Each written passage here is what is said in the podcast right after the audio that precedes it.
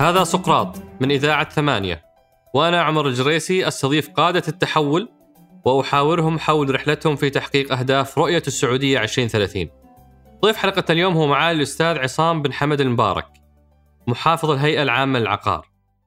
في محورنا الأول تحدثنا عن الهيئة ليش نحتاج هيئة للعقار؟ وش الفرق بينها وبين هيئة عقارات الدولة وكيف تتداخل المهام حقتها مع وزارة الإسكان والعدل والبلدية؟ وتحدثنا عن ملامح الاستراتيجية العامة لقطاع العقار اللي اعتمدت الأسبوع الماضي. وبعد ذلك تحدثنا عن أهم الأشياء اللي حققوها. كيف يتعاملون مع موضوع أسعار العقار؟ هل يبغونها تزيد ولا يبغونها تنقص ولا وش علاقتهم بهالموضوع؟ وإيش قصة مؤشر أسعار العقار؟ آه وإيش قاعدين يعملون لاستعادة موثوقية الصك اللي صار يلغى ويوقف و... ويتم التعامل معه بطريقة يعني غير جاذبة للمستثمرين وملاك العقارات. وختمنا حلقتنا كالعادة بأهم أسئلتكم الثمينة مثل ليش تم تخفيض ضريبة القيمة المضافة للعقاريين؟ وهل سيتم معاقبة المتحدثين في الشبكات الاجتماعية عن صعود أو نزول العقار؟ ومتى يتم الإفصاح قبل إيقاف الأراضي؟ وهل هم مع أو ضد تجار العقار؟ إلى آخر أسئلتكم الثمينة. أترككم مع الحوار. حياك الله أبو بدر شرفتنا ونورتنا. الله يحييك الساعة المباركه. أه أبو بدر وش علاقتك بالمدرب الوطني ناصر الجوهر؟ انت بالمفاجآت أنت. من وين جبتها هذه؟ لنا لنا لنا مصادرنا أبو بدر. المدرب الوطني آه، تعرف هو يعني فخر وتحياتي أرسل تحية للمدرب الكفؤ المدرب المنتخب الوطني ناصر الجوهر كان كان في وقت من الأوقات آه، زملائي في وزارة التجارة آه، في فترة من الفترات اطلقوا علي أنت مدرب الوطني لأنه كان يعني أتشرفت حقيقة إني عملت مع عدد من حوالي ثمانية وزراء مروا على وزارة التجارة وكان آه، تنقلت في أكثر من مكان في الوزارة في مهمات فكل ما يشغل منصب في في جزء في الوزارة سواء في وكالة الصناعة في وكالة التجارة الخارجية في آه، إدارات معينة في بعض التكليف في بعض الهيئات كلفت بتأسيسها هيئة السعودية للمقيمين المعتمدين هيئة السعودية للصادرات.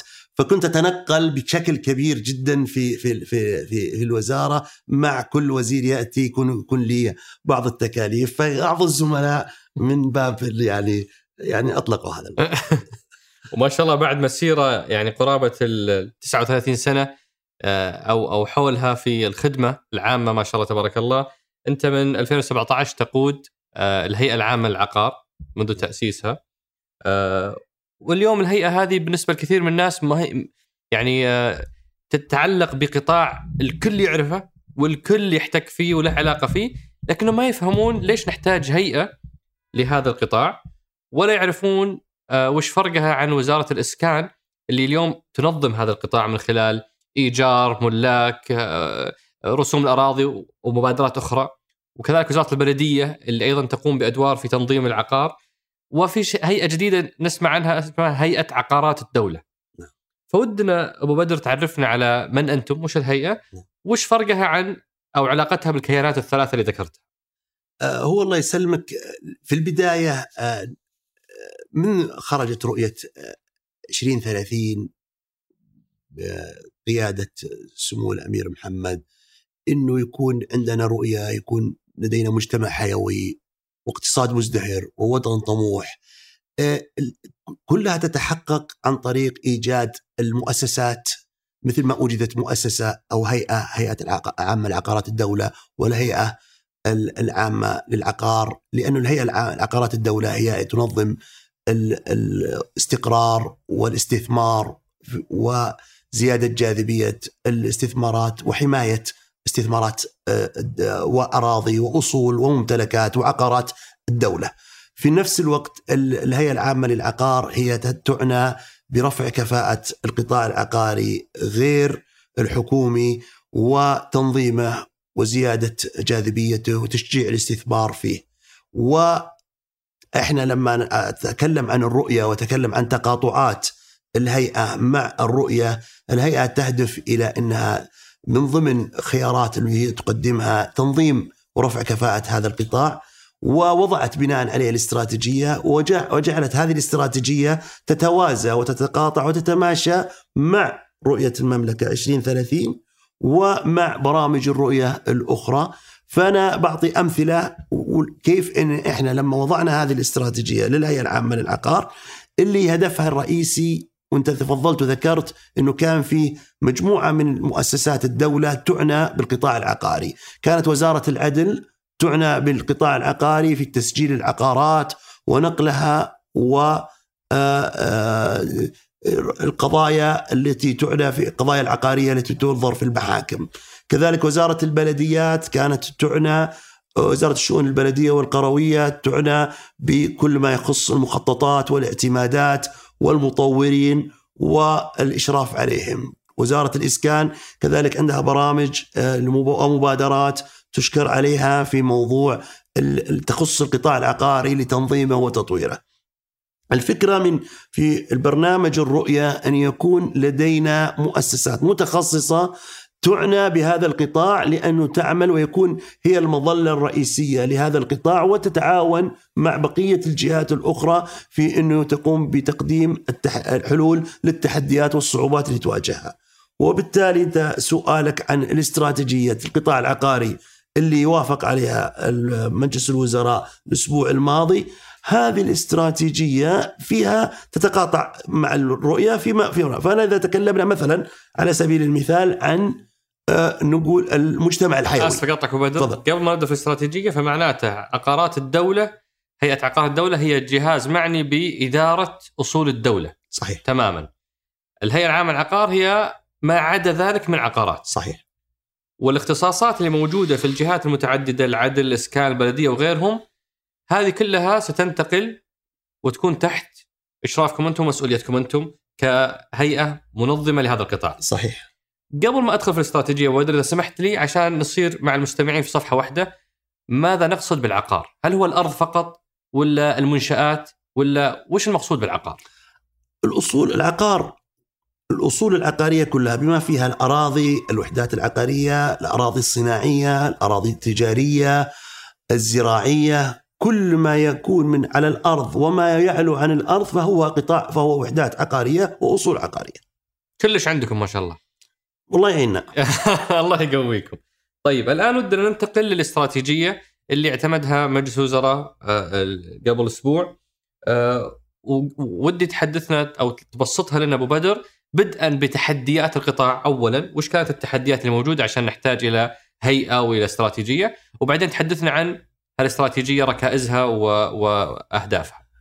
اولا أنا ودي بس اكد يعني نكون على صفحة واحدة مع وش معنات استراتيجية.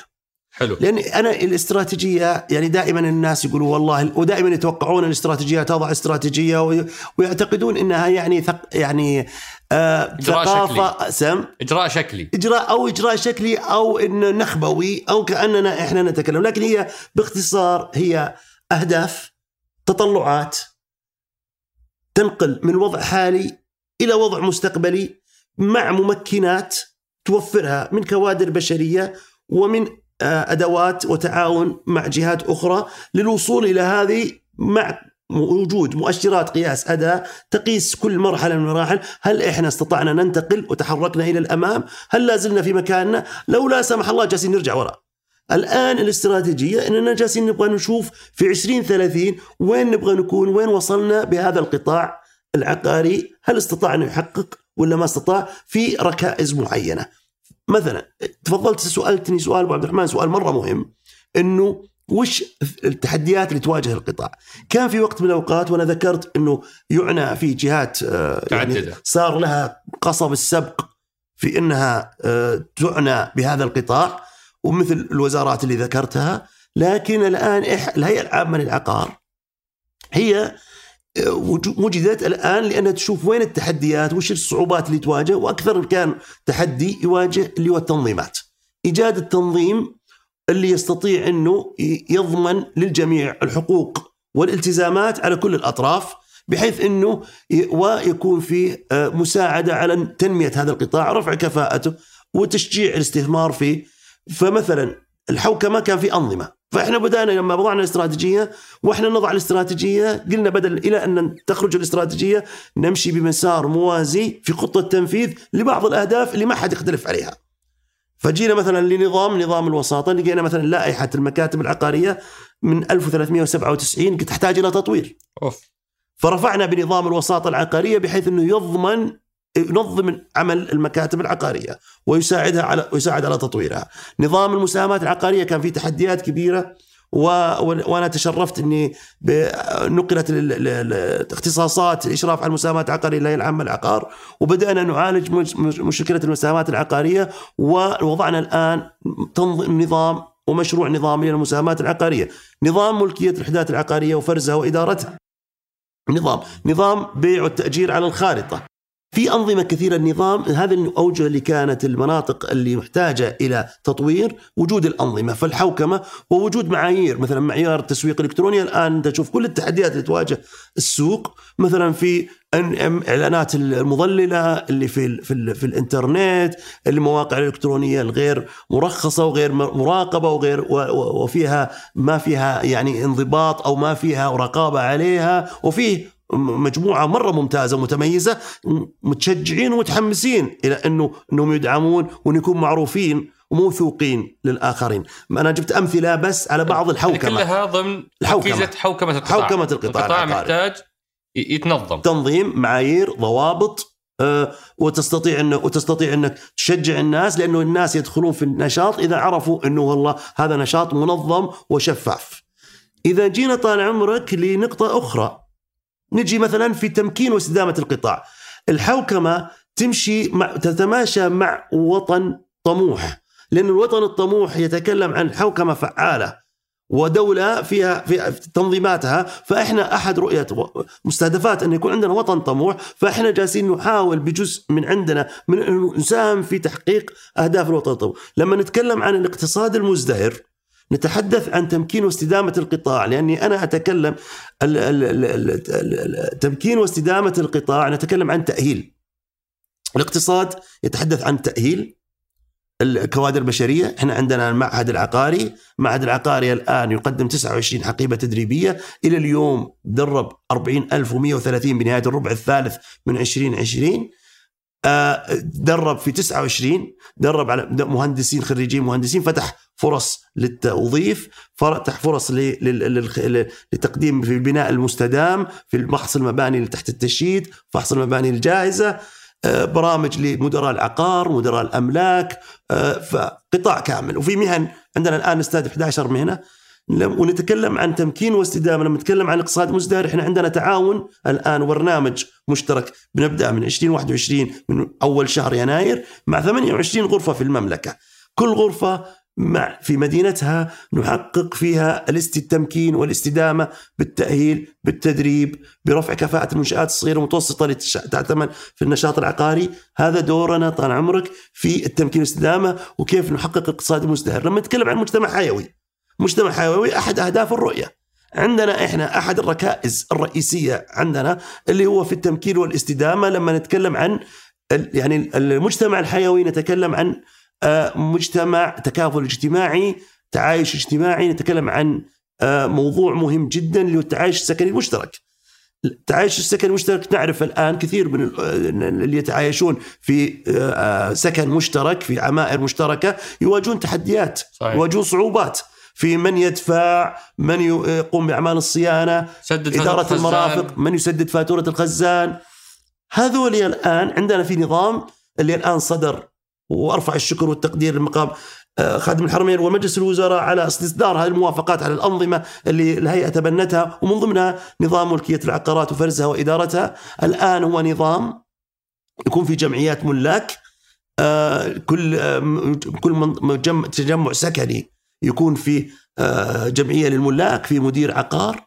وأهم أهم موضوع يعني بالتعاون مع الاخوان في وزارة العدل مشكورين يتحول هذا القرار مدير العقار إلى سنه تنفيذ على الطرف أو المالك العقار الذي لا يشارك. فإحنا نشجع على التعايش السكني المشترك نتشجع على إقامة وحدات سكنية نشجع على إقامة أحياء سكنية مت- متعاونة تقدم فيها خدمات يكون فيها صيانة. وأهم شيء حفظ الأصول لأنك أنت إذا كان إذا استطعت حفظ الأصول العقارية تخيل مبنى لا تتم له صيانة. بعد عشر سنوات ومبنى يحظى بالصيانة وبالرعاية خلال فترة. فمن يكون حفظ حفظنا الأصول؟ هذه الأشياء الاستهدافات باختصار وين توجهاتنا في الاستراتيجية. هذه ركائز الاستراتيجيه نعم. و... وفيها أربعة أهداف. آه، قطاع عقاري منظم قطاع عقاري شفاف ومستدام سوق حيوي وجاذب ويمنح الثقة للمشتركين وتقديم خدمات مبتكرة وتوطيد العلاقة بين المستثمرين والمستفيدين. هذا يمكن ما تكلمنا فيها. هذه يمكن الأهداف. نتكلم عن توطيد العلاقة. يا سلام. في واحدة ما هذه الأخيرة ما جتنا الفرصة نحكي عنها لخدمة الشركاء. نعم. إحنا نعمل على أن نخدم الشركاء في ال- في الاستراتيجية. وايش إيش عملنا؟ عملنا مركز اسمه مركز التحكيم العقاري. أخذنا رخصة أول رخصة لمركز التحكيم العقاري. أه وتشرفنا بافتتاح وزير العدل ووزير الإسكان لهذا المركز. المركز الآن أه يخدم يقوم بعملية الصلح والتحكيم العقاري. أه الآن في خطتنا في الاستراتيجية إدراج شرط التحكيم ضمن عقد الإيجار الموحد وضمن الملاك بحيث إنه إذا كان في خلافات بين الملاك يكون المرجعية لمركز التحكيم عن طريق الصلح يتحول قرارات المحكم إلى سنة تنفيذ وإحنا الآن نعمل مع الإخوان في وزارة العدل عليه، هذا حيخفف تدفقات القضايا على المحاكم ويساعد على الوصول إلى حلول عن طريق الصلح أو التحكيم. ونتوسع مستقبلا عندنا خطة للتوسع في التحكيم لأغلب الأنشطة العقارية بحيث انه يكون في صلح وتحكيم ويتحول المحكم قرارات المحكم إلى سنة تنفيذ. عظيم جدا. هذه مقدمة مفيدة وأظنها ترتب الأفكار بالنسبة للمستمع حتى يعرف وش الهيئة وش علاقتها بالجهات المتعددة وش استراتيجيتها كركائز وكأهداف. الآن بدخل على الجزء الأهم وبدر اللي هو ماذا حققتم. وخليني أبدأ بقصة سولف لي عنها واحد من يعني أول شيء أبيك, أبيك توسع صدرك علي أبو بدر. تفضل. وتشرب لك آه، يعني آه، فنجان. واحد من الشباب ذاك اليوم يسولف لي يقول تخيل إنك انت كل مرة تبي تروح البقالة على أعصابك تقول ما أدري يقبلون ال 500 حقتي ولا ما يقبلونها. لأن ال 500 احتمال تكون مزورة ال 500 اللي في جيبك واحتمال 500 هذه تكون موقوفة. يجيك راعي البقاله يقول لك لا والله ترى هالنوع من ال 500 ترى موقوف ما نستخدمه الفترة هذه. ولا ال 500 ذي ترى أوه ترى أصلها ما هو بسليم ونبي ننزعها. تخيل شعور صاحب ال 500 هذه وهو كل مرة على أعصابه ما هو قادر يثق بهال 500 اللي بيده. هذا هو واقع العقاري اليوم مع صكوكهم. العقاري على أعصابه ما يدري العقار ذا ممكن فجأة يجيه خبر إنه ترى عقارك أصله غير سليم و وألغي صكك. طيب أنا وش ذنبي؟ أنا أنا مفرغ من خلال كتابة عدل رسمية ومن خلال جهات رسمية. ممكن يجي فجأة يقال له صكك هذا موقوف أصلا هو حيتفاجأ هو رايح يفرغ يقال له صكك موقوف بدون شفافية وبدون إيضاح للأسباب هذه وهكذا فاليوم الصك يعني آه، صاحبي هذا اللي يروي لي القصة هذه يقول ما قد عشت مرحلة فيها الصك ضعيف وغير محفوظة مكانته زي اللي قاعدين نعيشه اليوم فودي أبدأ ماذا حققتم فيما يخص موثوقية وشفافية القطاع وقوة الصك وسلامته بالنسبة لملاكه. وبعدها ممكن ندخل على بقية الأشياء اللي تحققت في القطاع. أول شيء أشكرك على هذا السؤال وأشكر زميلك اللي سأل هذا السؤال لأنه حقيقة أعتقد إنه أكبر هم ومسؤولية آه، اطلعت فيها الهيئة من أول ما أنشئت وتعرف الهيئة حديثة إنشاء ما بعد كملت ثلاث سنوات لكن من أول خطوة في الخطوات اللي كانت تضعها في حوكمة القطاع اللي هي آه، عملية هل الموضوع ال- الموثوقية الصكوك العقارية والحجية المطلقة لأي صك بحيث إنه لا ينازع في الصك هذا صاحبه. ال- اللي حصل عندنا إنه إنه آه، عملنا ورش عمل أول ما بدأت الهيئة وقلت لك لا زالت ما بعد كملنا ثلاث سنوات لكن في الأول أسابيع الأولى من إنشاء الهيئة كان في ورش عمل أقيمت لدراسة هذا التحدي وعملنا ست ورش عمل شاركت فيها 53 جهة بما فيها قطاع خاص وقطاع عام. آه و آه على مستوى كان على مستوى عالي جدا الورش وقيمت على فترات على يوم طويل وأيام طويلة كانت ومستخرجات هذه الورش خرجنا بأنه آه، درسنا الحالة الوضع الحالي والتحديات اللي تواجه ووجدنا إنه التسجيل العيني للعقار هو الحل لأنه التسجيل العيني للعقار تعريفه هو إعطاء الحجية المطلقة لأي للصكوك والوثائق التملك وبالتالي لا ينازع فيها إذا صدرت الحجية المطلقة إذا صدر هذا الصك وسجل تسجيلا عينيا فلا يكون فيها أي آه، يعني إمكانية لإيقاف هذا الصك طالما سجل. وبالتالي رفع تم صياغة مشروع نظام بالتعاون مع مجموعة كبيرة جدا من الجهات الحكومية ومن القطاع الخاص وتم رفع هذا النظام ونوقش في هيئة الخبراء والآن النظام الآن المحضر انتهى وبصدور هذا النظام نظام التسجيل العيني للعقار بيبدأ تؤسس شركة اسمها الشركة الوطنية للتسجيل العيني. الآن آه، يملكها صندوق الاستثمارات العامة وتكون هذه الشركة شركة حكومية تقوم بعمليات عملية تسجيل في 13 آه، مدينة مباشرة في المملكة وعملية تكون عملية التسجيل وإعطاء الصكوك الحجية المطلقة لكل من يملك صك لا يستطيع أحد أن ينازعه فيه وبالتالي يحصل على الحجية هذه متى بتبدأ الشركة؟ فور تأسيسها إن شاء الله وتأسيس إجراءات تأسيسها أوشكت على النهاية إن شاء الله وهذه الشركة وهذا بصدور النظام أهم شيء يصدر النظام صدر النظام لسه؟ الآن النظام آه، درس أعد كمشروع ورفع ونوقش في هيئة الخبراء والآن إن شاء الله يمكن يعرض على مجلس الشورى وبعد عرضه على مجلس الشورى يصدر النظام وبصدور النظام آه والشركة الآن على وشك التأسيس وحتبدا أصلا إجراءاتها على حسب النظام الحالي اللي هو نظام الاسكان هي المسؤولة عن التسجيل العيني.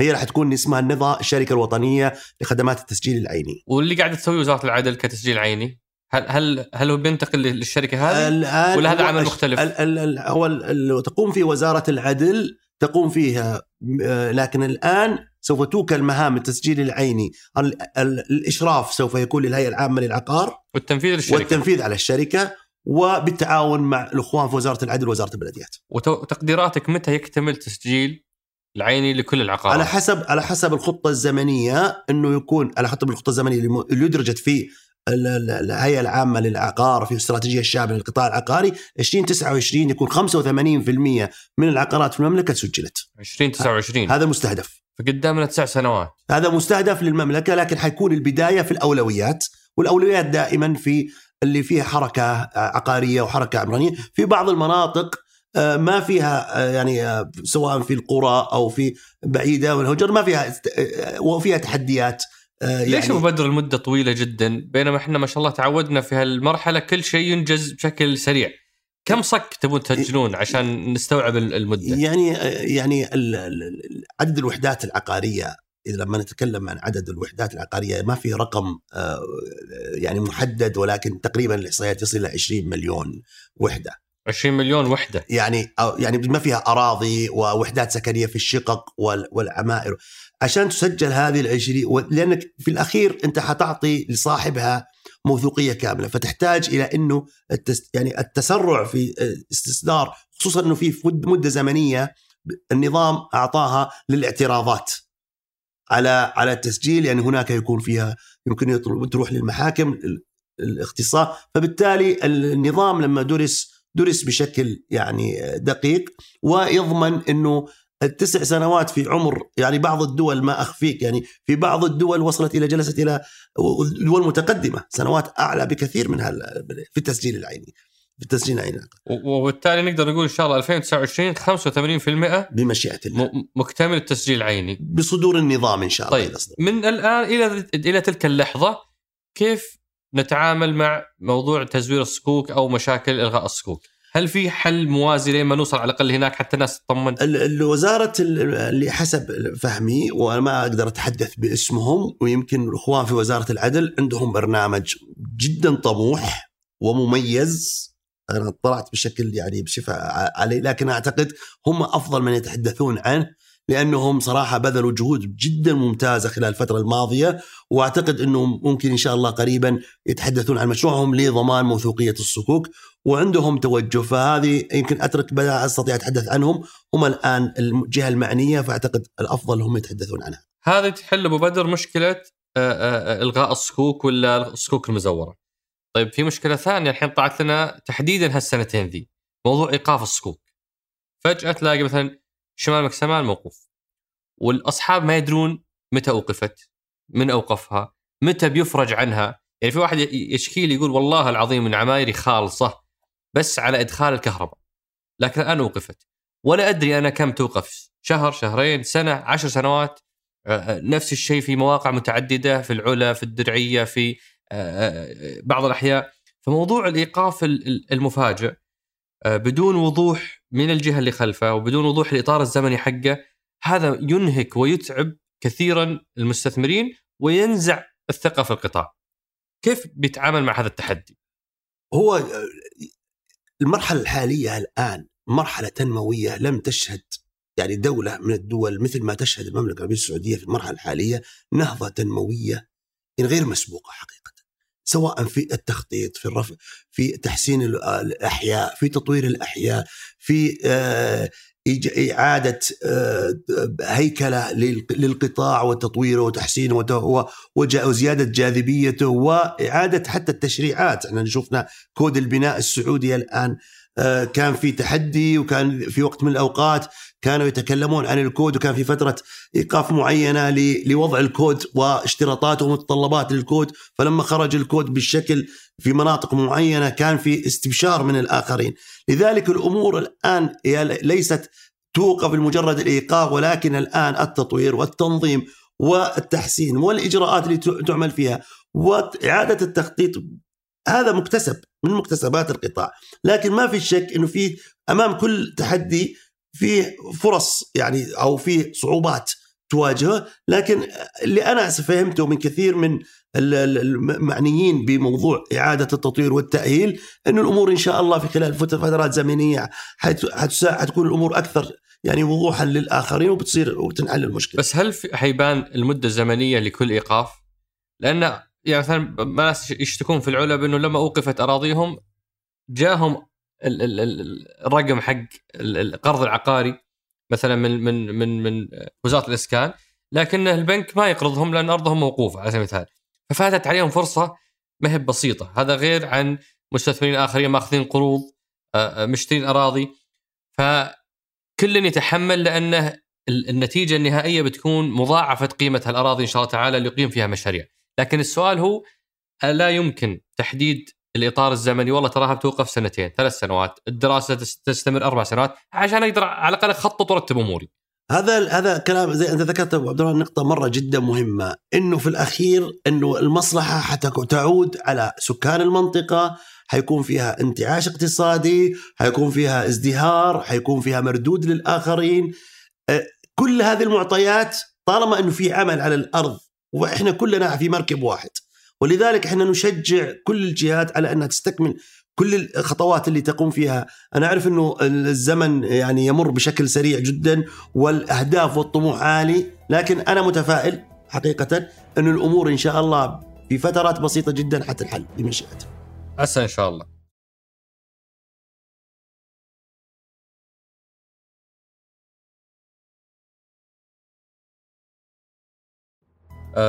فيه طال عمرك من من الأشياء اللي تحققت آه، في الفترة الماضية دراسة المقارنات السعرية آه، آه، في قطاع العقار. هذه أنتم قمتوا فيها وهي يمكن أكثر سؤال وصلنا من الأصدقاء المتابعين ومتأكد إنه هو أكثر سؤال يجيكم نعم. لأن موضوع الأسعار هذه فيها محل جدال مطول. ودنا أبو بدر بحكم إنك خبير نعم. في المجال وبحكم إنك المسؤول لو يعني تفكفك لنا هالمعادلة، هل يعني أنتم تبحثون عن أنكم تتركون السوق مفتوح للعرض والطلب زي المدرسة اللي يقولون الأسعار تفحت لأنه في طلب زايد أو أنتم يهمكم أنكم تتدخلون في القطاع وتضبطون الأسعار بحيث أنها تكون زي ما يتطلعون له بعض الناس أنها تكون أقل بكثير من اللي موجود حاليا. وش نتج عن هذه الدراسة اللي سويتوها وأنتم وش تنوون تفعلون بخصوص الأسعار؟ يعني احد الركائز اللي في الاستراتيجية اللي هو تمكين واستدامة القطاع. الاستدامة تعريفها الاستمرارية على نهج معين ويكون في ثبات ووضوح وزيادة شفافية. زيادة الدور اللي إحنا نقوم فيه في زيادة شفافية الشهود هو تعريف الآخرين آه، في عن طريق المنصة المؤشرات العقارية أو عن طريق بوابة العقار الجيو مكاني اللي يمكن أتحدث عنها بعد قليل. الفكرة من إنه توفير زيادة المعروض والتشجيع على زيادة المعروض من المنتجات العقارية والفرص هذه أحد التحديات اللي والفرص اللي عندنا أمامنا إننا نزيد من زيادة المعروض. عملية الدور اللي يقومون فيه زملائنا في وزارة الإسكان في فرض رسوم الأراضي البيضاء لتشجيع الزياده من المعروض، تشجيع المطورين على إنهم يقدمون منتجات آه، عقارية وتشجيع أكبر عدد من المطورين إنهم يدخلون في السوق وإنهم يقومون بأعمال تطويرية. وإعادة ضريبة القيمة المضافة على مدخلات الإنتاج في المساكن هذه للمطورين بحيث إنك تساعد على زيادة المعروض من المنتجات.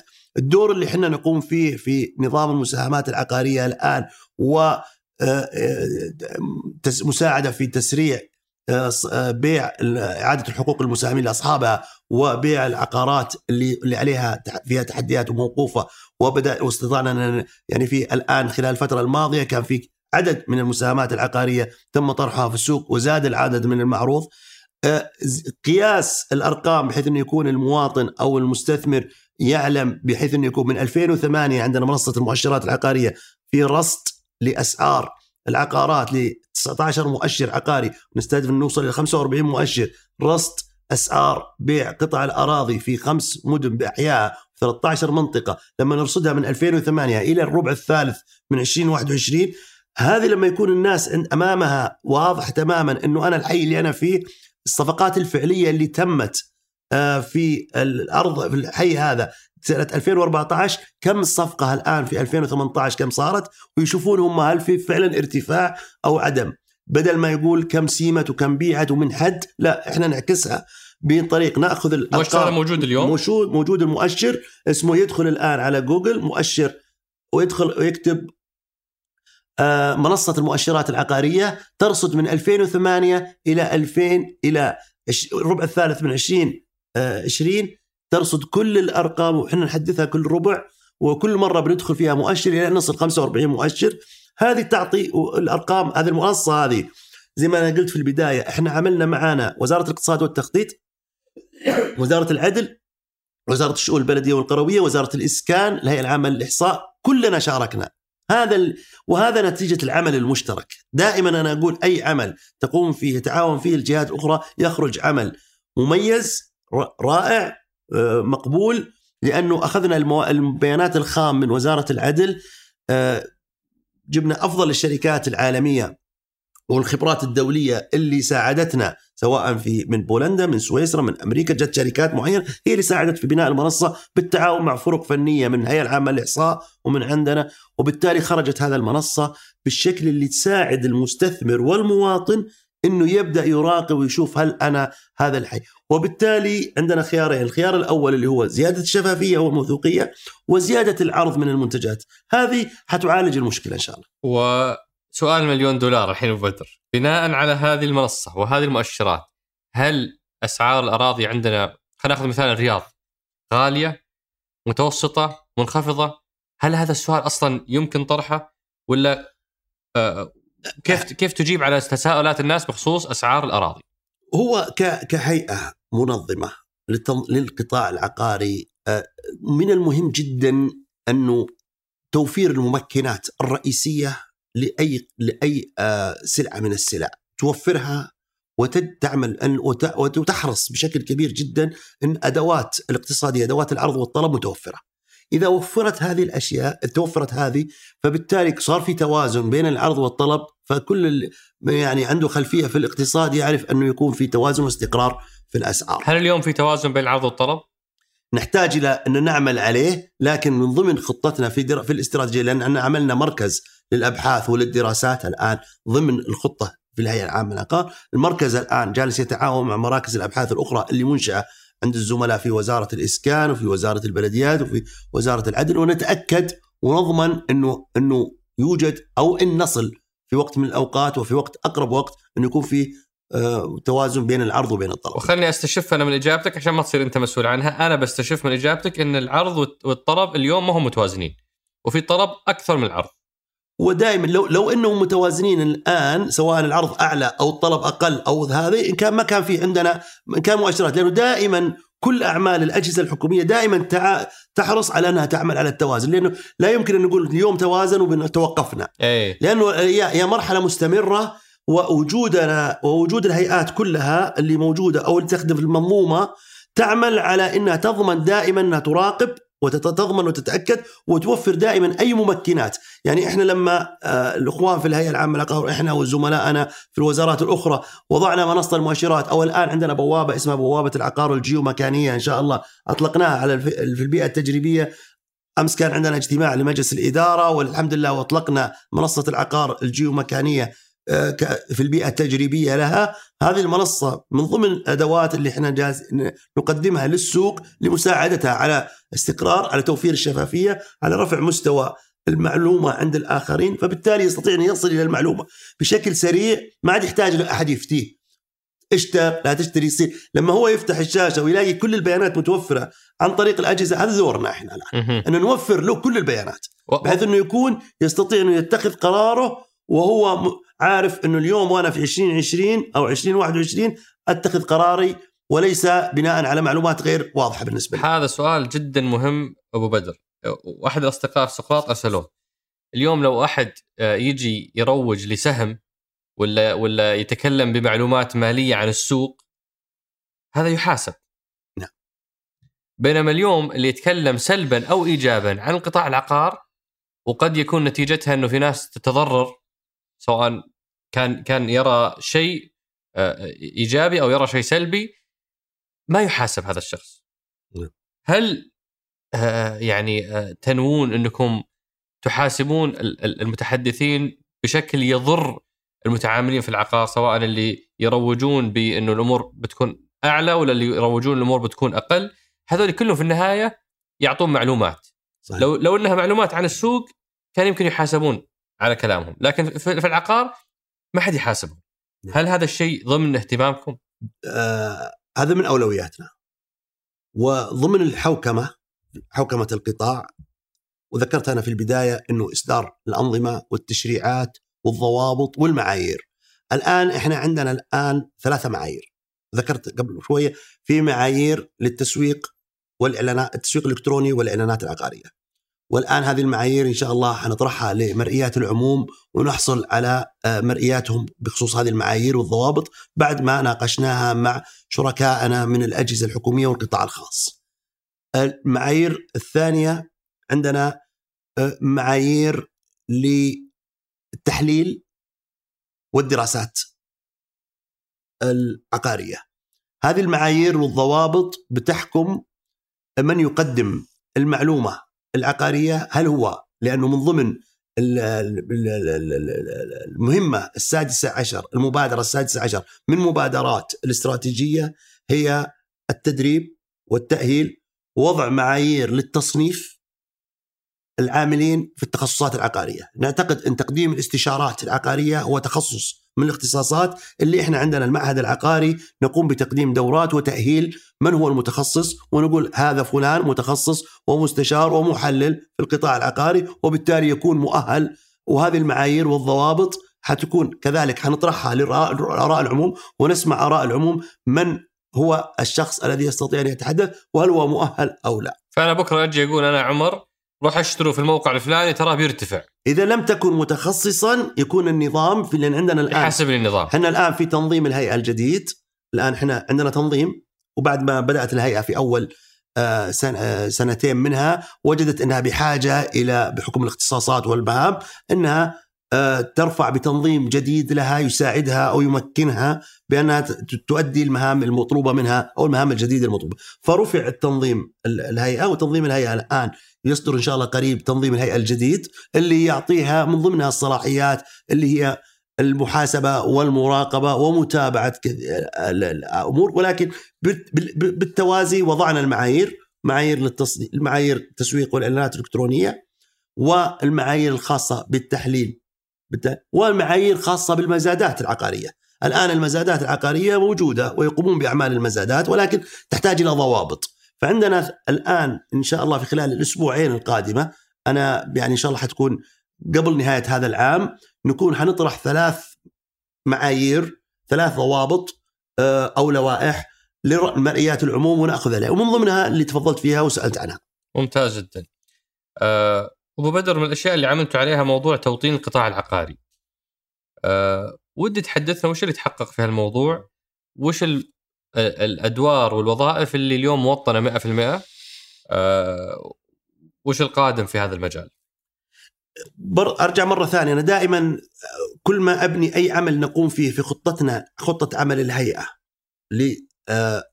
لايجاد ورفع كفاءة رأس المال البشري كذلك إحنا عندنا دور أربطه دائما مع الاستراتيجية لأن عندنا استراتيجية عندنا ركائز فيها مبادرات فيها لها أهداف لها مشاريع لها أولويات وفي مؤشرات قياس أداء. هذه فبالتالي أنا عشان أتحرك يجب أن أعمل دائما أخرج من هذا اللي. فعندنا الآن تمكين واستدامة القطاع اللي هو عملية التأهيل والتدريب والتوظيف ورفع كفاءة رأس المال البشري ومن ضمنها بدأنا في المسار وعملنا إلى اليوم في المعهد العقاري 863 دورة تدريبية. 863 دورة تدريبية. إلى الربع الثالث من 2020 عدد اللي تم تدريبهم 40130 متدرب ومتدربة. في 29 مهنة. المهن هذه تتكلم عن مدراء العقار مدراء الأملاك تتكلم عن الوساطة العقارية الوساطة التأجيرية تتحدث عن التسويق العقاري تتحدث عن فحص المباني الجاهزة فحص المباني تحت التشييد. أفضل شركات عالمية ساعدتنا في أنها تقوم وحاولنا ننقل خبرة خبرات دولية في مجال التخصصات هذه وندرب شباب وشابات الوطن بأنهم يقومون بأعمال التأهيل. بدأ عملنا عملنا مجموعة من الاتفاقيات وقعنا اتفاقيات مع الجهات التالية وزارة الموارد البشرية مع بنك التنمية الاجتماعي مع صندوق الموارد البشرية مع هيئة المنشآت الصغيرة والمتوسطة كل هذه الجهات هدفنا من وراء هالاتفاقيات إننا نساعد في التأهيل والتدريب والتوظيف بالتعاون مع هدف بحيث إنها تشغل ومع هيئة المنشآت الصغيرة والمتوسطة في إقامة الحاضنات والتدريب رواد الأعمال بأنهم يقومون بأعمال وتأهيل. حاولنا نزيد نرفع من كفاءة المكاتب العقارية ما يقدمون خدمة فقط وحيدة اللي هو بيع وتأجير ولكن يقدمون حزمة من الخدمات العقارية اللي يصير مدير عقار ومدير أملاك ويستطيع يقدم بعمليه الفحص ففي مجموعة من الخدمات اللي عندنا كذلك مشروع مع زملائنا في مجلس الغرف السعودية بحيث إنه يكون عندي 28 غرفة على مستوى المدن. كل غرفة من الغرف تساعدنا في تنفيذ مستهدفات الاستراتيجية الوطنية للعقار بحيث إنهم يستطيع هذا الموا... الشباب والشابات في المدينة الصغيرة أو في المدينة الكبيرة أو في يستطيع أن يحصل على فرصة عمل أو فرصة للتدريب والتأهيل في قطاع الأنشطة، هنرتب نهدف إن نرفع من كفاءة قدرات القطاع الراس المال البشري وتخلق فرص وظيفية عندنا مؤتمر 29 الشهر آه، هذا الأسبوع القادم عن مؤتمر اسمه آفاق ومستقبل القطاع العقاري في المملكة.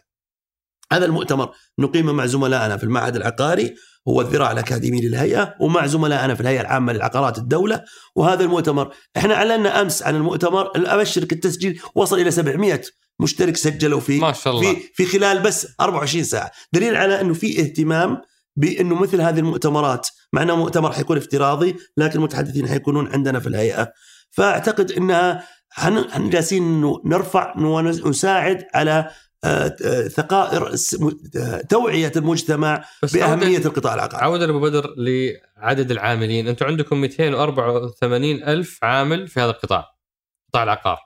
ولا لا؟ القطاع العقاري تشمل التشييد والبناء لأن القطاع العقاري هي إما أيه. منظومة القطاع العقاري أو القطاع العقاري القطاع اللي يقدم خدمات القطاع. ففي فرق بين الاثنتين. صح.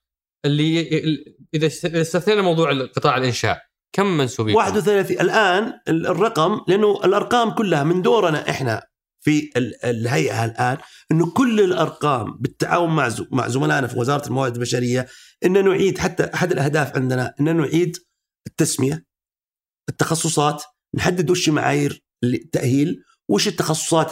لأنه مشكلة إنه لما نقول نشاط عقاري يعمل في نشاط عقاري. لكن إحنا نحتاج إلى أن نجلس مع الإخوان عن يصنفونها شيء. إنشاء شيء تطوير شيء إدارة املاك يعني نعرف تسمى باسمائها صح. فهذا من ضمن بس خطتنا انهم مبدئيا هم 31000 الرقم اللي موجود عند الإخوان في وزارة الموارد البشرية 31 كم كم نسبة التوطين فيها؟ يعني نسبة منخفضة. و... و... وأنا أقول إنه أحد الأسباب اللي تخل... تجعلنا نعمل بكل هذا الحماس الآن لأننا محتاجين إننا إنه. يفترض إنه 100% وظائف القطاع العقاري تكون مشغولة. بمواطنين سعوديين. يفترض إنه 100% متى هذا؟ المفروض إنه إحنا الآن بصدور نظام الوساطة العقارية اللي الآن حيمكننا إننا نشرف تشرف الهيئة على كل المكاتب العقارية، لأن دور زي ما ذكرت قبل شوي إنه الآن اللي يشرف على المكاتب العقارية لائحة المكاتب العقارية اللي آه، باختصاص وزارة التجارة. مم. ولكن الآن إحنا هدفنا بصدور باستصدار نظام الوساطة العقارية نقل الإشراف إلى الهيئة العامة العقاريه. وهذا لم يكتمل النظام لسه النظام انتهى من من من هيئة الخبراء والآن آه، إن شاء الله يحال قريبا يكون في مجلس الشورى. فبالتالي إحنا بدأنا الآن في تطبيق النظام بطريقة اختيارية وبدأنا نشجع المكاتب العقارية إنه تسجل عندنا في الهيئة العامة للعقار بطريقة اختيارية. اليوم سجلوا عندنا 468 مكتب عقاري صنفناهم كهذول مكاتب تعمل وفقا لأنظمة ولوائح وطب بدانا نطبق نظام الوساطة العقارية بشكل اختياري لكن بصدور النظام سوف تكون عملية والمهنه هذه. اليوم موطنة 100% يفترض أنها تكون موطنة. بالمجتمع. كنظام كنظام انه المفروض إنه القطاع العقاري المفروض إنه يكون 100% لكن إن شاء الله بانتقال الإشراف مباشرة للهيئة العامة للعقار سوف نعمل مع لجان التوطين ومع الجهات المعنية وزارة الموارد البشرية بحيث إنها تستطيع تو- توطنهم 100% لأنه واحد من الوسطاء أرسل لنا يشتكي يقول حنا سجلنا في في التسجيل الاختياري لكننا ما استفدنا شيء بالعكس انضرينا لأنه غيرنا مو مسجل وماخذ راحته وال- والمتسترين ال- ال- غير السعوديين شغالين على التطبيقات يسوق يبيع ويشتري من خلال التطبيقات اللي هي خارج الرادار حقكم فوش تقول له؟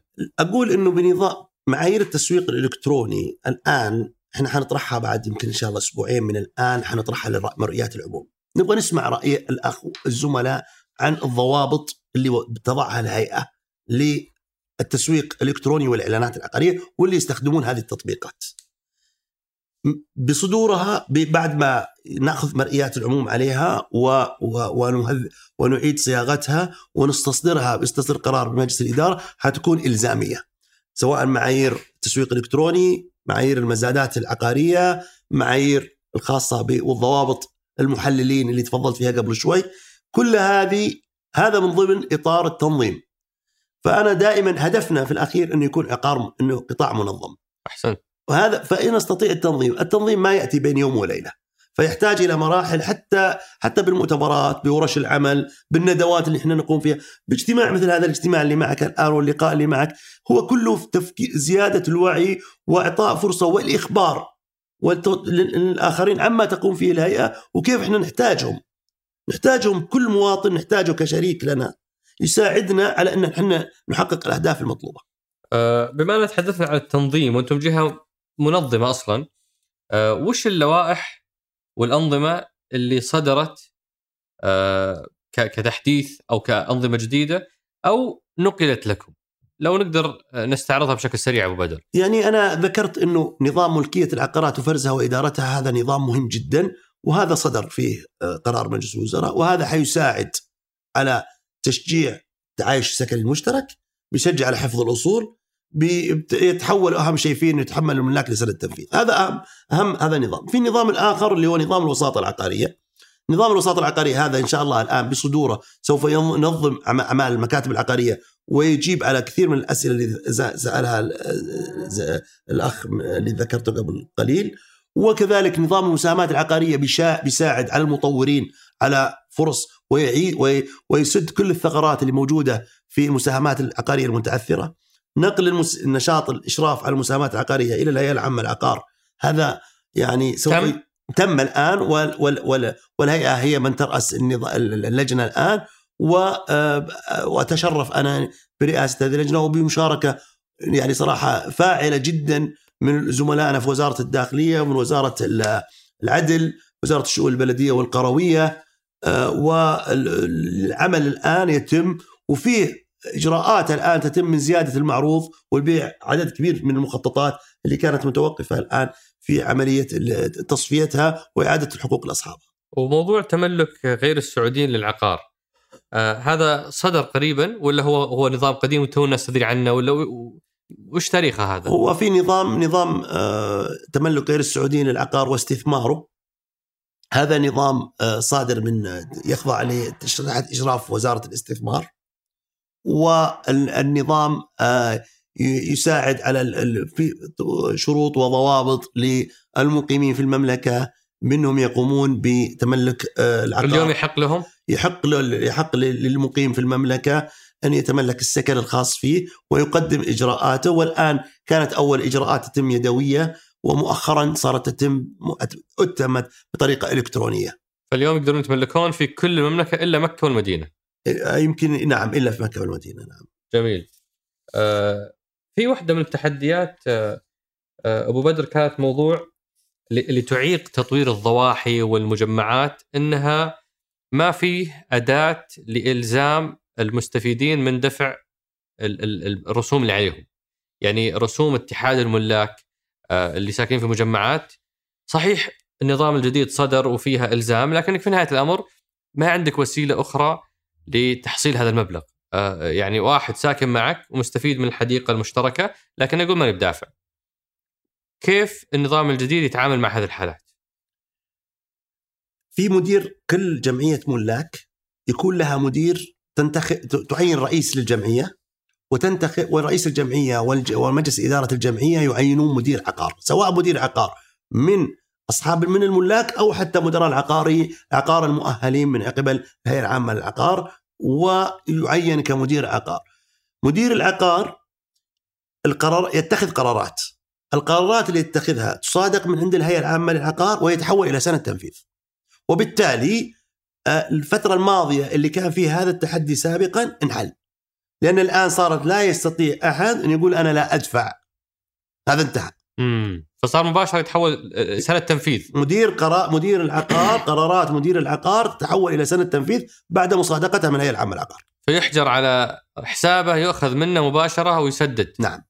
هذا الآن قائم الآن نعم جميل أه، ودي أختم أه، أهم ما حققتم أبو بدر في المعهد العقاري أه، المعهد يعني أنت عرجت عليه بشكل سريع قبل شوي لكن ودنا نعرف وش يقدم اليوم وش يعني المرحلة التالية منه؟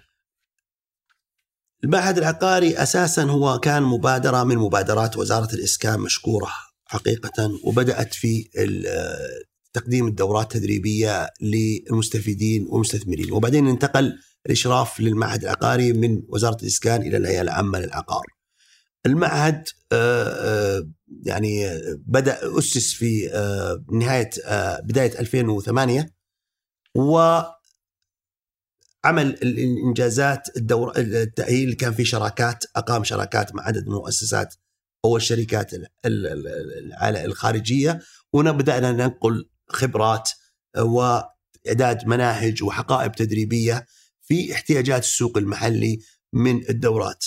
كان أول يعول على إنه شركات ومؤسسات ومعاهد والقطاع الخاص إنه يقوم، لكن التحدي الأكبر اللي كان يواجه إنه آه، آه، نقل المعرفة، إعداد المناهج، حوكمتها، آه، إقرارها تضع قيمة الدورة عالية.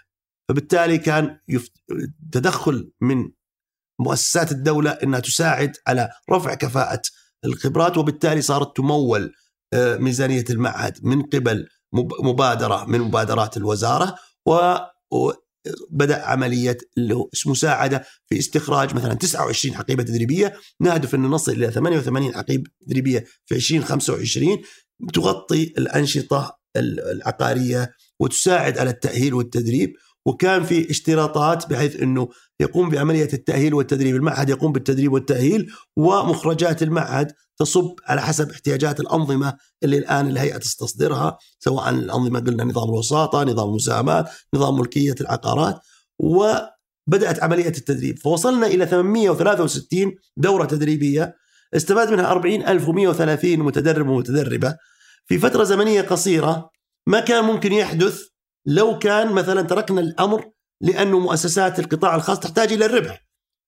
لكن الهدف أجهزة الدولة لا تهدف إلى تهدف إلى تمكين واستدامة القطاع والدولة رعاها الله تدعم مثل هذه الأنشطة وتدعم آه، تأهيل ورفع رأس المال البشري وتساعد وتدفع ويصير هذا الدورات التدريبية يعني مدعومة من قبل الدولة في هذه المرحلة الحاليه لأن محتاجين إحنا مثل المهندسين اليوم دربنا 6200 وأظن 40 مد...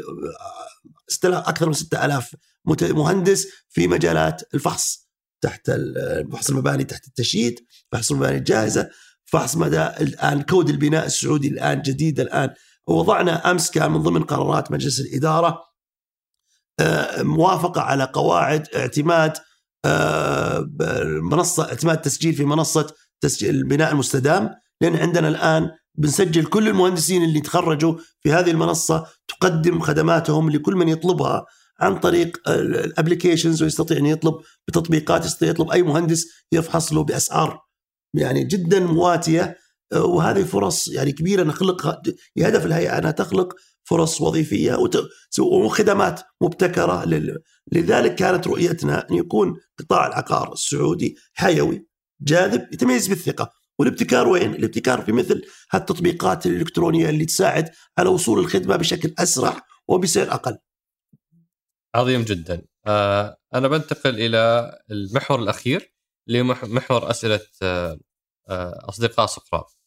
أول سؤال أبو بدر لماذا لا يوجد تقرير سنوي معلن للهيئة بحيث يوضح إنجازات الهيئة حسب خطتها الاستراتيجية تعزيزا لمبدأ الشفافية؟ هل عندكم تقرير سنوي معلن؟ أنا ودي الموقع الإلكتروني عندنا عندنا التقرير السنوي سنة إحنا الآن عندنا سنتين سنة 2018 و2019 يستطيع أن يدخل الآن على الموقع الإلكتروني ويجد التقرير السنوي موجود فيها. التقرير السنوي ل 2018 والتقرير السنوي ل 2019 إحنا الآن 2019 ما بعد انتهت. لذلك الآن جالسين نعد التقرير السنوي ل 2020 وبالتالي نكون أكملنا ثلاث تقارير سنوية وموجوده على الموقع الإلكتروني ومعلنة. والاستراتيجية الشامله للقطاع العقاري والملخص التنفيذي كذلك موجود على الموقع الإلكتروني للهيئة العامة للعقار ويستطيع يدخل عليها يشوف التفاصيل. الاستراتيجية حوالي 400 صفحة وضعناها في ملخص تنفيذي من حوالي 40 صفحة ولكن اللي يحب إنه يطلع على تفاصيل الاستراتيجية بالعكس أنا نسعد ويشوف ويتابع معنا مرفوع اليوم على الموقع. موجود موجود على الموقع مرفوع على الموقع. عظيم. هذا هذا كان السؤال الثاني ما شاء الله عليك جاوبته. هذا سؤال يعني آه، رهيب. هل الدولة مع أو ضد تجار العقار؟ أنا يعني أنا دائما آه، يعني ودي أكون يعني ناصح لنفسي اولا وناصح لكل زملائي. الدولة الهدفها الرئيسي هي التنمية الازدهار تحقيق الأهداف الاقتصادية اجتماعية. الدولة تقف على مسافة واحدة مع الجميع. التاجر أنا دائما يقول لي أحد إنه التاجر من هو التاجر؟ كل من يملك آه، يعني إحنا التاجر ترى في الأخير عدد من التجار يكونوا يتحولون لمستهلكين فالدولة تقف على مسافة واحدة للجميع تحفظ حقوق الجميع. كل المؤسسات الدولة اللي موجودة الآن كلها الهدف منها هي أن تساعد الجميع على انه يكون التنظيم الحقوق والالتزامات متساوية ولا يكون في أي طرف يأخذ حقوق أو يأخذ أكثر من حقوقه ولا تكون عليه التزامات أكثر من الالتزامات المفترض عليه فهي تقف دائما على مسافة واحدة من الجميع. المساهمات العقارية أخذت وقت طويل جدا لدى الهيئة وعقدت ورش عمل كثيرة بخصوص الموضوع وكان هناك جدل كبير بينهم وبين هيئة سوق المال. فما هي نهاية هذا الموضوع؟ موضوع المساهمات العقارية. هو الآن لجنة المساهمات العقارية ترأسها الهيئة العامة للعقار الآن بعضوية وزارات العدل والداخلية والشؤون البلدية والقروية وال- وعدد ومستقلين الأمين عام هيئة المحاسبين وهذه ال- اللجنة تقوم بأعمال آه، تصفية المساهمات العقارية وإعادتها لأصحابها المساهمات. السابقه المساهمات السابقة والآن الجديدة. في نظام الآن آه، ذكرت أنه رفعنا آه، مشروع نظام للمساهمات شاركنا مع معظم الجهات الحكومية والقطاع الخاص النظام الآن على وشك الصدور بعد ما انتهينا وش علاقة هيئة سوق المال فيه حتكون؟ يعني تعرف أنه هيئة سوق المال كان فيه آه، صناديق الاستثمار العقارية موجودة وهيئة سوق المال تشرف على الصناديق العقارية وفي اشتراطات ومتطلبات عند هيئه السوق العقاريه عند عند هيئه السوق المالية. لكن النظام الجديد إن شاء الله نظام المساهمات العقارية سوف يكيف آه، أو يتعامل مع المساهمات العقارية بالتعاون. نتعاون إحنا والإخوان في هيئه السوق المالية على كيفية إدارة موضوع نظام المساهمات العقارية الجديد. ممتاز. هذا السؤال لازم أرجع أطرحه مرة ثانية لأنه قاعد يتكرر. فيعني تحملني أبو بدر. أه، هل سيتم إعلان رسمي من الجهات الرسمية عند إيقاف إفراغ صكوك العقارات وتصاريح البناء؟ الشيء اللي آه، إحنا في الهيئة العامة للعقار يعني يمكن تصاريح البناء موجودة عند الإخوان في وزارة الشؤون البلدية والأمانات ولا آه، ويعتقد الافضل هم يعني أنسب أنهم يتحدثون ولكن اللي حسب معلوماتي إنه عندهم مبدأ الشفافية ويكون في إعلان ولما كان في وقت من الأوقات كان في آه، كود البناء السعودي ووضع الكود البناء واشتراطاته ومتطلباته وأعلنت في وقتها. والناس أنا وجدت استجابة جميلة جدا من من على دور في كود البناء وكيف إنه يعني كان مشجع وكان محفز وساعد كثير. حتى بعض الاشتراطات والمتطلبات ساعدت حتى اللي يقومون بالبناء الذاتي في انهم يشيدون مبانيهم على حسب مواصفات جديدة وباشتراطات أقل آه، صعوبة من الأول. أه هذا يسأل يقول كوسيط عقاري اعاني منذ سنوات آه، في الإبلاغ عن المسوقين غير النظاميين. يقول يا ريتكم تحطوا لنا تطبيق ولا وسيلة أسهل من إني أنا أروح للشرطة وأقدم بلاغ وأعطي الأدلة والإثباتات وإلى آخره. وش رأيك؟ هو الآن ال- المسوقين العقاريين في وسيلة للإبلاغ آه، عنهم. ي- فلو يتواصل الآن أنا ما أعتقد المفروض ضرر إنه يبلغ للشرطة. هو هو يرسل اللي فيه الآن ال- وزارة الإسكان هي من تقوم بالإشراف الآن في الرقابة على المكاتب العقارية إلى أن ينتقل الإشراف بشكل كامل بنظام الوساطه العقاريه الجديد للهيئة، لكن آه، ال- الإبلاغ الآن في فرق آه، تفتيش آه، تصدر من وزارة الإسكان عن طريق برنامج إيجار. وتقدم البلاغات عن طريقها إلكترونية وتباشرها وتصدر قرارات من وزير الإسكان حاليا بالعقوبات تجاه المكاتب المخالفة وبنت صدور النظام الوساطه العقاريه الجديد بينتقل الإشراف عندنا وبيكون التواصل مباشرة مع الهيئة لأن هي حتكون مشرفة على مكاتب الوساطه بعد انتقال ويرتبط بهذا السؤال سؤال إنه هل بيكون عندكم رقابة على مواقع وتطبيقات العقارات؟ هذا النظام اللي هو معايير التسويق الإلكتروني والإعلانات. هذا هدف مهم بالنسبة لنا.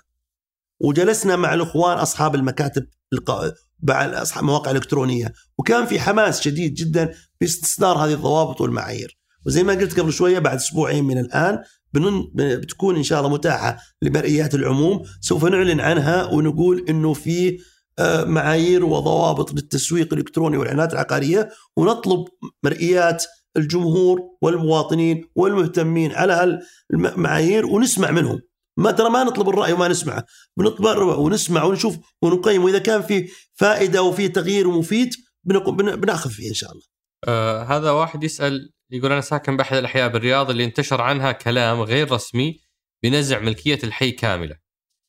وسكان الحي يوميا يعيشون في قلق وإشاعات يبون نفي أو تأكيد رسمي لهذا الخبر.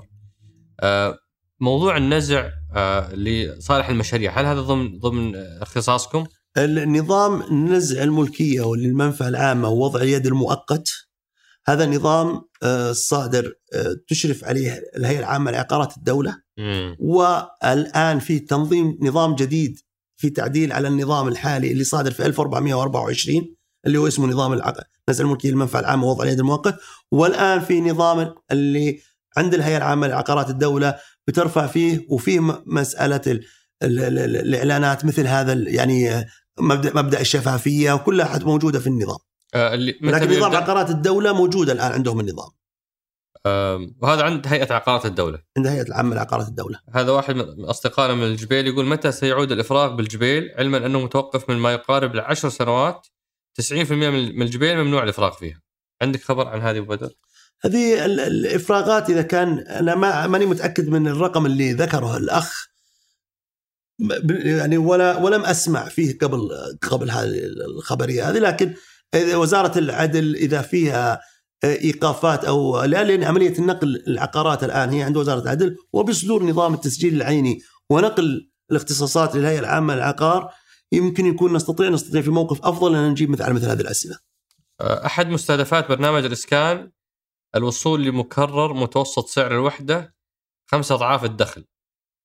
خط الأساس 2015 كان 10 أضعاف أو 9.9 أضعاف متوسط الدخل. وين نبي نوصل في موضوع ال ال أسعار الوحدات؟ هل هذا ضمن رادار عندكم تراقبونها؟ والله أنا برنامج الإسكان اللي تشرف عليه برنامج يعني من يعني حقيقة من البرامج الرؤية اللي حققت مستهدفات في حققت مستهدفاتها. وأنا بهذه المناسبة يعني صراحة أشيد وأثني على الجهود اللي يبذلونها الإخوان في وزاره الإسكان في تحقيق ورفع مستوى وأرقام لحصول المباني حصول المواطنين على تملك المساكن. هذا أنا أعتقد إنه الدور اللي قاموا فيه خلال المرحلة الماضية وتحقيقهم المستهدف في 2020 كان رقم يعني يعني تم الاشاده به في أكثر من مكان ومن محفل وكل زملائنا يعرفون عن المستهدف اللي حققوه لكن بالذات على كم آه كم الرقم أنا صراحة ما عندي خبر يعني بالذات هل هم عندهم توجهات لم أطلع عليها آه لماذا لا يوجد متحدث رسمي للهيئة؟ ما عندكم متحدث أنتم؟ إحنا عندنا متحدث رسمي موجود في متحدث رسمي اللي هو؟ في عندنا الدكتور عبد الرحمن السعدون دكتور عبد الرحمن السعدون هو المتحدث الرسمي للهيئة.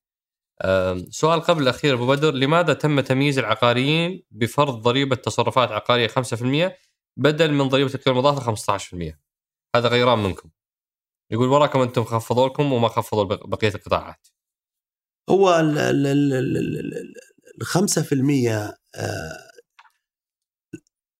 تعزيز يعني إعادة الآن بالمناسبة أنا كنت الصباح اليوم في توقيع مذكرة تفاهم على بعض التعاون مع زميلي محافظ هيئة الزكاة والدخل مهندس سهيل سهيل أبان مي.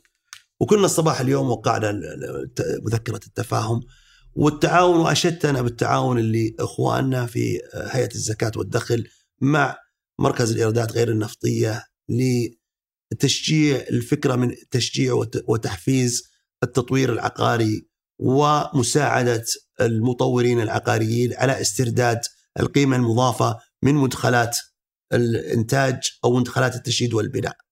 هذا دور مهم جدا لأنه الفكرة أنه زيادة المعروض من المنتجات العقارية والمباني هذه يعني يحتفل بها المواطنين والمواطنات وتشكر فيها القيادة الرشيدة على أنها جد ساعدت المواطنين والمواطنات على أنه تخفض المنتجات العقارية بخصم القيمة المضافة لمدخلات الإنتاج للتشييد والبناء وتساعد المطورين على أنهم يقدمون معروض أكثر فهذا المفروض أنه يعني أنا أعتقد أنه أنه يعني شيء يثلج الصدر ويفرح الخاطر أنه أنه ساعدنا على زيادة المنتجات المعروض المنتجات العقارية. السؤال الاخير أبو بدر آه، أنت ما شاء الله عملت يعني آه، عن قرب مع قرابة سبعة أو ثمانية وزراء. آه، يعني آه، أكيد هذه تجربة ثرية وقد يكون من بين هذه التجارب الثرية موقف أو درس مهم تعلمته من أحد هالوزراء اللي عملت معهم بشكل مباشر زائد بشكل عام كيف يفيد الإنسان أن يعمل مع مجموعة متنوعة من هالقيادات. يعني أنا صراحة أنت أسعدتني في آخر يعني اللقاء إنك تذكرني بقامات تعلمت منهم صراحة وكنت تلميذ في مدرستهم وحظيت بعنايتهم وبرعايتهم واهتمامهم وكنت مستشار لهم آه، ما عدا يعني كنت قريب منه ولكن لم أكن مستشار عنده. فعملت مع الدكتور سليمان السليم الله يرحمه وعملت مع أسامة فقيه ومع الاستاذ اسامه فقيه ومع الدكتور هاشم يماني ومع آه، عبد الله الأستاذ عبد الله زينل ومع معالي الدكتور آه، توفيق الربيعة ومعالي الدكتور ماجد القصبي وعملت مع آه، الأستاذ ماجد الحقيل. أنا أعتقد إنه هذه التجربة مع المجموعة من المسؤولين وقربي منهم اللي أنا تشرفت صراحة بإني اقتربت منهم وتعلمت منهم. فكل واحد منهم كان له خاصية من الخصائص.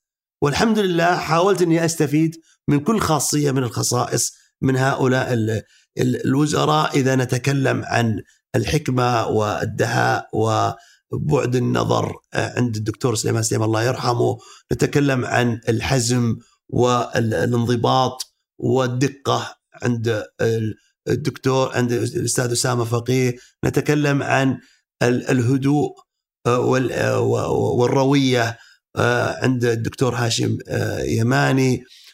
نتكلم عن بعد عن العلاقات مع القطاعات والتوسع المعارف مع الأستاذ عبد الله زينل. تكلم مع الدكتور توفيق الربيع يعني يجمع مجموعة من الخصائص. في سواء في البعد النظر في الحزم في الدقة في المهنية في العمل. والقرارات الصارمة واتخاذ القرارات والمتابعة المستمرة من الدكتور ماجد القصبي كان متابع ويتابع وكان حريص وكنا يعني يعمل بشكل القرارات وعنده حزم ومتابعة وحرص على التنفيذ بدقة وسرعة عالية. ولما نتحدث مثلا عن الأستاذ ماجد الحقيل يعني رجل استراتيجي رجل صاحب بعد نظر مهما تأتي بأي فكرة من الأفكار ورؤية معينة وتطرحها أمامه تجد سبحان الله إنه عنده إنه عنده آه، خيال خصب وواسع ويخرج بأفكار أعلى مما أنت تتوقع. وبالتالي النجاحات اللي تحققت في برنامج اسكان وفي الوزارة هذا يعزى إلى كيف البعد النظر في التخطيط الاستراتيجي. رجل يعني حقيقة دائما يفكر خارج الصندوق وهذه من من المزايا اللي أنا أعتقد إني تعلمتها من الأستاذ ماجد الحقيل إنه يفكر خارج الصندوق دائما. ودائما عنده أفكار إبداعية آه، يعني مبدع في الأفكار الخارج الصندوق ودائما يجد حلول.